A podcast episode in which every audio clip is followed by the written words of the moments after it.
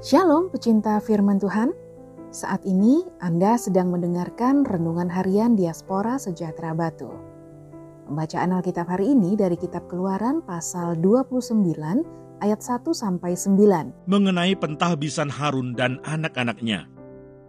Inilah yang harus kau lakukan kepada mereka untuk menguduskan mereka, supaya mereka memegang jabatan imam bagiku Ambillah seekor lembu jantan muda dan dua ekor domba jantan yang tidak bercela, roti yang tidak beragi, dan roti bundar yang tidak beragi, yang diolah dengan minyak, dan roti tipis yang tidak beragi, yang diolesi dengan minyak.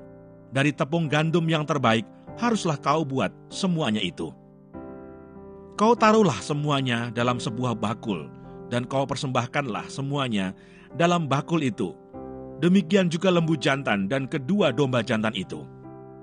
Lalu kau suruhlah Harun dan anak-anaknya datang ke pintu kemah pertemuan, dan haruslah engkau membasuh mereka dengan air.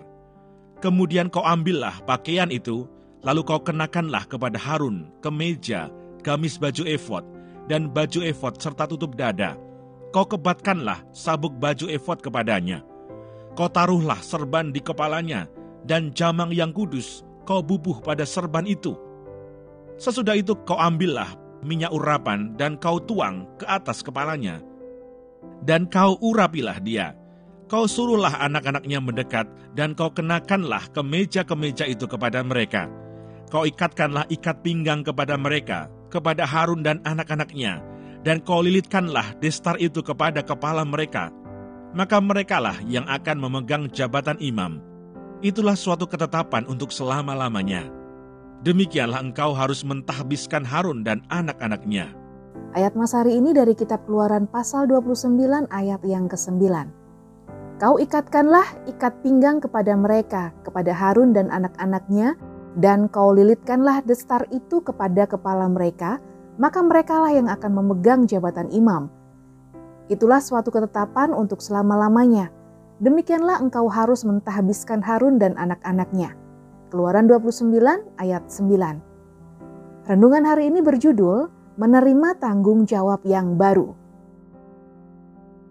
Perintah untuk memimpin bangsa Israel keluar dari tanah Mesir diberikan kepada Musa. Dan atas seizin Tuhan, Harun menjadi juru bicara yang menemani Musa ketika menghadap Firaun dan Harun juga mendampingi Musa selama perjalanan bangsa Israel menuju Kanaan.